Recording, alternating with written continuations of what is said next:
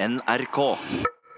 Se for deg at du har gått opp på en fjelltopp tidlig, tidlig på morgenen, og når du kommer opp på fjelltoppen, så gryr det av dag. Sola stiger opp i horisonten, og du har en fantastisk utsikt. Du er på campingtur i skogen. Du åpner teltet tidlig på morgenkvisten og, og titter ut, og så ser du liksom morgendugge, soloppgangen, stille, blankt vann. Eventuelt du er i Syden, går ut på terrassen tidlig på morgenkvisten når sola er i ferd med å stige oppover surblått hav. Det er sånne inntrykk som gjør noe med deg. Ja, Det er jo nesten inkarnasjonen på sjelefred. Det er liksom det vakreste verden har å, å by på. Det er liksom naturens godtepose. Ja, ja, men vi har ikke så mange øyeblikk i livet, egentlig, Nei. sånne som det. Og da sier du gjerne til den du er på tur med Åh, se på dette, det er jo nesten som et maleri. Se så pit pittoresk det er. Det er jo malerisk. Men hadde du hatt et maleri av det du ser med ditt blotte øye, så ville du ikke hatt det på veggen. Nei. Da hadde det vært banalt, Ja. enkelt Ja. og for figurativt. Ja, eh, hvis du eh, titter ut av teltåpningen din der den morgenkvisten, og i tillegg da hadde sett faktisk en elg som sto der i soloppgangen, eller solnedgang, fritt valg, eh, og, og prøvde å slurpe i seg noe vann fra det stille tjernet, eh, så hadde du syntes det var så vent og vakkert når du så det i natura. Hvis det var malt på et lerret, så hadde det vært kitsch og ikke fint i det hele tatt, og kunstkritikere hadde slakta dette verket hvis du hadde malt det sånn. Det er et interessant perspektiv. Ja, det For å bruke kunstterminologi. Ja, men det er jo det. Du står og ser det, og når du ser det live, så er det så flott, men når du ser det reprodusert, så er det ikke fint, og da ville du ikke hatt det på den minimalistiske veggen din hjemme, der du ikke har lister hverken i taket eller rundt vinduet. Nei, Iallfall ikke i 2019. Nei, kanskje ikke. Nei. Og det er jo da et spørsmål om disse maleriene, som er blitt kunstklassikere. Eh, Ja. som er, står der som de største kunstverkene noensinne. Hadde de blitt malt i dag, hadde de da blitt det?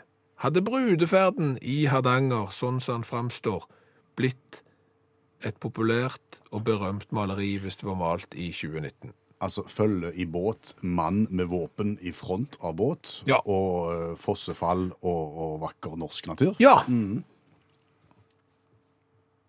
Altså, du, du ville jo hatt det i dag, for i dag vet du jo at det er sykt berømt og dyrt. Ja, at du ville hatt det på veggen i dag, ja, hvis du plutselig var så heldig at vær så god, Per Øystein, vet du hva, her er brudeferden i Hardanger av Tidemann og Gude, den skal, den skal du få. Så hadde jo du hengt den på veggen. Men du hadde gjerne ikke hengt den på veggen fordi at du syntes det var fint å passe hjemme hos deg. Du hadde gjerne hengt det på veggen fordi at du visste det var kolossalt dyrt. Så spørsmålet er jo at hvis det hadde vært malt i dag av Steinar Knutsen. ja, for eksempel, eller altså hvis Tidemann var opptatt, så, så gjerne Eventyrblanding eller en eller annen tobakkprodusent hadde, hadde malt det. Hadde det da blitt stående? Ikke sikker. Nei. Nei. Men du har vel tenkt litt på det? Veldig interessant. Og svaret i dag er Syden. Ja, i dag er svaret Syden. Hva er da spørsmålet? Hva svaret, er da spørsmålet? ja, svaret er Syden. Syden, dette litt ubestemmelige landområdet som ingen helt vet hvor begynner og eh, hvor slutter, men som vi svært ofte reiser til. Er altså svaret i konkurransen i dag, og jobben din blir å finne spørsmålet til svaret. Og med rette har vi jo blitt anklagt mange en gang for at dette er et litt sånn eh, lettverk, le, lettvektsprosjekt, denne konkurransen her med å bare komme med et svar, i stedet for å koke i hop et genialt spørsmål. Og det kan jo framstå sånn, men så er det en djupere mening bak. Fordi at når vi har gitt svaret, så rommer det så mange spørsmål. Gir du, eh, kommer du med et spørsmål, så rommer det stort sett bare ett svar. Så når vi gir svaret Syden, så kan vi da få spørsmål som vi kan lære litt av. Vi kan le litt av det, vi kan få opplevelser fra Syden, osv., osv. Og nå har du altså da ca. en liten halvtime på deg til å komme opp med et godt spørsmål til svaret Syden. og sender det inn til oss. Ja, to måter. SMS til 1987. Start meldingen med utakt. Det koster én krone. Gratisvarianten heter Facebook, og utakt heter gruppa. Gå inn der. Der er det en lang tråd med spørsmål allerede. Svaret er Syden. Hva er spørsmålet? Vinneren, det beste svaret vi trekker ut, utakts i T-skjorta med V-hals. I går snakket vi om eh, den glemte sporten ballonghopping. ja, og hvis du nå ble nysgjerrig på hva ballonghopping er, så kan du finne fram Utakt-podkasten fra i går, så kan du høre det. Men så viser det seg i retrospekt, det er flott ord, at ballonghopping er omtalt i litteratur. Jaha. Ja. Der er da en amerikaner som heter Edward Brooke Hitching. Han har da skrevet ei bok på 102 sider om sporter som forsvant. Nettopp. Og der er ballonghopping en av de. Ja, Ja. men der er det jo langt mer, har jeg funnet ut. Altså, den, den boka heter Fox Tossing, Octopus Wrestling and Other Forgotten Sports. Altså revekasting, eh, bryting med blekksprut og andre sporter som forsvant. Ja. Eh, Skal vi ta for oss en ny sport som forsvant i dag? Ja, jeg tenkte det inspirert av denne boka, for da har jeg jo prøvd å sette meg inn i nemlig det som heter foxtossing, eller revekasting på norsk. Dette var en idrett som eksisterte, som ikke finnes lenger nå. Ja, det var idrett. Mm. På grensen til selskapslek, vil jeg si, fordi at det var... Er det det jeg tror det er? Revekasting? Ja, det er det du tror det er, men det er ikke det du tror det er. Nei. Eh, f- eh, Og det er jo aristokratiet på 1600- og 1700-tallet som bedrev revekasting. Og for å si det sånn, de hadde jo mye unger med søskenbarna sine på den tida, aristokratiet, så det er mulig at det har gått ei kule varmt opp i toppen når de skulle finne ut eh, hva som var god underholdning. For revekasting er nemlig sånn, det er en lagsport. Ja, du konkurrerer i par, to og to. Ofte var det mixed lag, en dame og en mann. Så står du seks-syv meter fra hverandre, så har du et langt, smalt tøystykke mellom deg. Tenk at du står der med mor di og skal strekke duken til konfirmasjonen. Litt den følelsen der, sant, når begge legger seg bakover. Så er de på en innelukka bane, en borgård eller en innelukket bane. Så slipper du da ut revene, i flertall, på denne banen. Mens du står med, la, mot, eh, med medspilleren din fass an fass, altså ansikt til ansikt, med denne duken mellom dere. Og den ligger på bakken. Den ligger på bakken, ja. ja. Så begynner revene å tusle og tasle Ja. og, og springe rundt i borggården. Og da, hvis du er en veldig god revekaster, så skal du og partneren din stramme og nykke til i dette tøystykket akkurat idet revene er oppå tøystykket. Hva skjer med reven da? Ja, Det blir jo som en trampoline, bare at reven har ikke fått lov å ta sats, Nei. hvis du skjønner. Den blir jo da kasta opp i luften. Voff! Og så er det den som klarer å kaste rever høyest, som da vinner. Og det var ikke uvanlig at du kunne få en rev syv-åtte meter opp i lufta hvis du var riktig god. Vurderte de andre dyr enn rev? Ja, å ja, ja, ja. Det, det var mange andre dyr. altså Det var ikke forbeholdt rev. Det het revekasting når du oversatte det, men, men eh, du kunne ha hare, du kunne ha grevling, og du kunne ha villkatt, eksempel.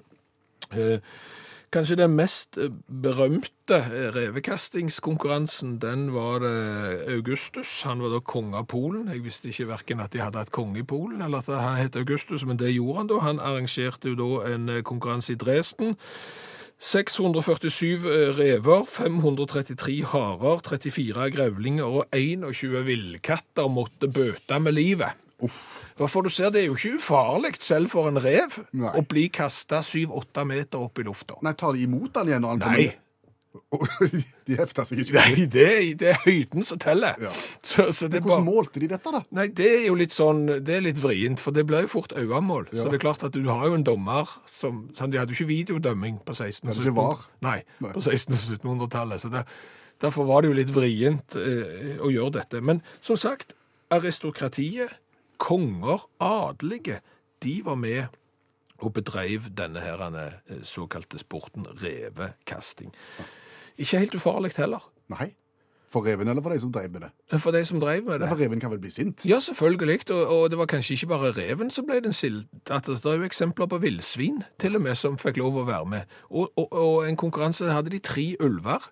Og kan du tenke deg da når du kombinerer tre ulver med eksempel 34 villkatter som skal inn under disse store kjolene, fordi de er vettskremt og skal gjemme seg for de som skal kaste dem i lufta, og så inn under kjolene til aristokratiet. Det var, det var skader. Ja. Det var ikke ufarlig i det hele tatt. Nei. Vet vi når revekastingen opphørte? Eh, ikke sånn nøyaktig dato, men den eh, opphørte iallfall når dyrevernorganisasjonene kom på banen.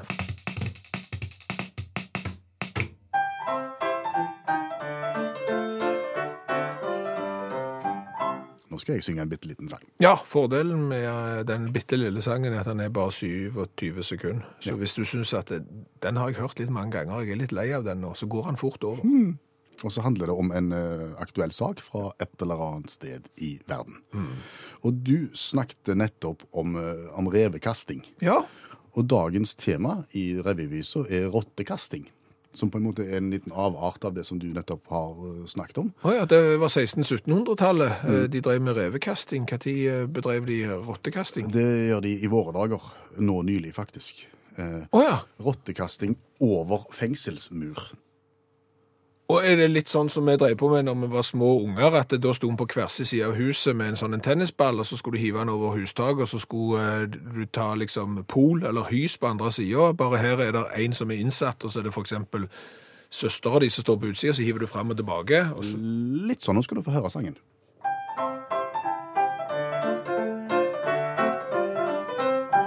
Hva er det for en stank? Dette lukter septiktank eller oppvarma gammel tissepotte. Men så fant de et dyr, det er like før jeg spyr. Lukta kom fra en død og råtten rotte. Og på rottemagen så de flere sting. De åpna opp og fant de utroligste ting. Telefoner med lader, tre SIM-kort og litt hasj. Ikke rart at smuglerrotta lukta bæsj. OK. Nå skjønner du hvor vi skal hen? Ja, nå var det ikke en selskapslek lenger. Nå var det rett og slett en måte for å få ting inn i fengsel som ikke skal inn i fengsel. Stemmer. Vi skal til England, til Dorset, England. Ja. Der er det da et fengsel. Og en dag en vakt var ute og, og lufta fanger, og gikk i, ute i luftegården, så kjente han en veldig rar lukt. Dette lukter ikke godt i det hele tatt. Kloakk, vondt, gale. Gikk rundt og snuste og prøvde å finne kilden, og til slutt så fant han kilden. Der ligger det ei stein død, kjempestor rotte. Ja, Så han lukta ugler i mosen og fant en død rotte. Ja, han fikk ro- rotter i luftegården i stedet. Og så ser han litt nærmere på den, og så er den litt ulik andre døde rotter. Fordi at på magen så ser du at den har en rekke sting, altså sydde sting. Ja, så det var, kunne enten da være ei opererte rotte, for eksempel, som hadde hatt hjerteproblemer eller sånn, og de er jo sjeldne at de blir opererte, så da var forklaringen en annen, kanskje. Det, det var det han var, fordi at her, tenk, her, her er det ugler i, i rotten. Så da tok de den inn til analyse, og så snitta de opp da, der som, der som disse stingene var. Og da viser det seg jo at rotta er uthult. Hele magesekken er tømt, og heller fylt med ting som eh, innsatte kunne få bruk for. Mm. Inne i rotta så, så fant de da eh, fire mobiltelefoner. I ei rotte? Ja, det, det er ikke helt få til å stemme, men det kan ha vært flere rotter. Men Jo. det står de fant fem mobiltelefoner og ladere. Ok, Det kan være sånne mobiltelefoner som vi hadde på 90-tallet, for da skulle de være veldig, veldig små. Kan være det, ja. Ikke store iPhoner, kanskje. Tre SIM-kort, sigarettpapir og cannabis. Inni rotten. Ja. Kunne du tenkt deg å røyke noe som hadde vært inni ei rotte? Nei, altså de sier jo du skal røyke rev, men det, det, det, det er ikke det samme. Nei, det er ikke det. Klarte de å finne ut hvem som har kasta hvor For det er jo ikke bare å kaste ei stor og tung rotte med fire mobiltelefoner, litt lader og SIM-kort og litt cannabis i heller. Du skal ha en ganske bra kastarm, Ja, du tenker jeg. det, ja, du skal det. Men jeg tror nok det er noen på andre sida som, som var gleda seg til å få leveransen, som ble litt skuffa Ja. når rotta ble funnet. At de ikke var på plass for å ta hys, ta pol. Mm. Rett og slett. Du, eh, om du tror det er mer fred og fordragelighet i eh, homofilt samboende sine hus enn i heterofile par sine hus? Jeg tror det er akkurat like harmonisk og uharmonisk om en annen, uansett på hvilken måte du velger å leve livet ditt. Livet går sin skjeve gang uansett. Jo, jo, for, for så vidt, så er jeg jo enig at summen av problemer er sikkert konstant. Men, men jeg tenkte på et spesifikt eh, problem, ser du. For det er en sånn helt vanlig gjennomgående diskusjon i alle heterofile eh, samliv vil jo på et eller annet tidspunkt være toalettsete. Mhm. Og da tenker du på Eh, Damene skal ha det ned, eh, mennene må tidvis, eh, svært ofte, ha det oppe, mm. og tar det da ikke ned igjen, og så blir damene sure for at mannfolka ikke tar det ned, og så blir mennene sure for at damene ikke tar det opp, og så er det hvem er det som skal bestemme om det skal være opp eller nede. kime til konflikt. Ja, og det er da jeg tenker at la oss nå si at du er to homofile menn da, som lever sammen, så burde jo konfliktnivået være langt lavere på det området der. Og kanskje enda mindre hvis du er to uh, homofilt uh, samliv, samlevende damer. Ja, ja, da vil jeg jo si, da er det jo helt uproblematisk i siste tilfelle her. Ja, for da skal det alltid være nede. Alltid nede, aldri opp, ingen problem. Ingen problem, sant? Null krangel. Nei. Ja. To menn, ja. ja, du vil jo få det opp og ned da òg, alt etter hva på en måte ærene på toalettet er. Jo, selvfølgelig, men som sagt, så, så trer du jo av. Hva mener du med tre av? Ja, det er egentlig en fin måte å pakke inn ordet tissing på. Ja, men, men du tisser jo oftere enn du beiser, for å si det på svenske. Ja. Eh, og dermed så, så er det jo ikke så ofte det problemet oppstår, fordi at det kan jo hende da at den som kommer etter deg òg bare skal tisse stående, og da vil du jo egentlig at ringen skal være oppe. Så konfliktnivået hos homofilt samlevende damer anser jeg som null. Eh, homofile menn eh, nesten null, eh, og andre par 100 krangel alltid om toalettringen. Er vi ferdige med denne diskusjonen nå? Ja, men jeg synes det er et veldig interessant tema, og hvis det er noen da som kjenner seg igjen og som kan bekrefte dette, for, for jeg eh, lever jo ikke sammen med en mann, eh, så dette har jo ikke jeg fått testa i praksis ennå. Eventuelt ennå, kanskje. Ting kan skje. Mm. Men hvis det er noen som kan bekrefte dette, så har det vært interessant.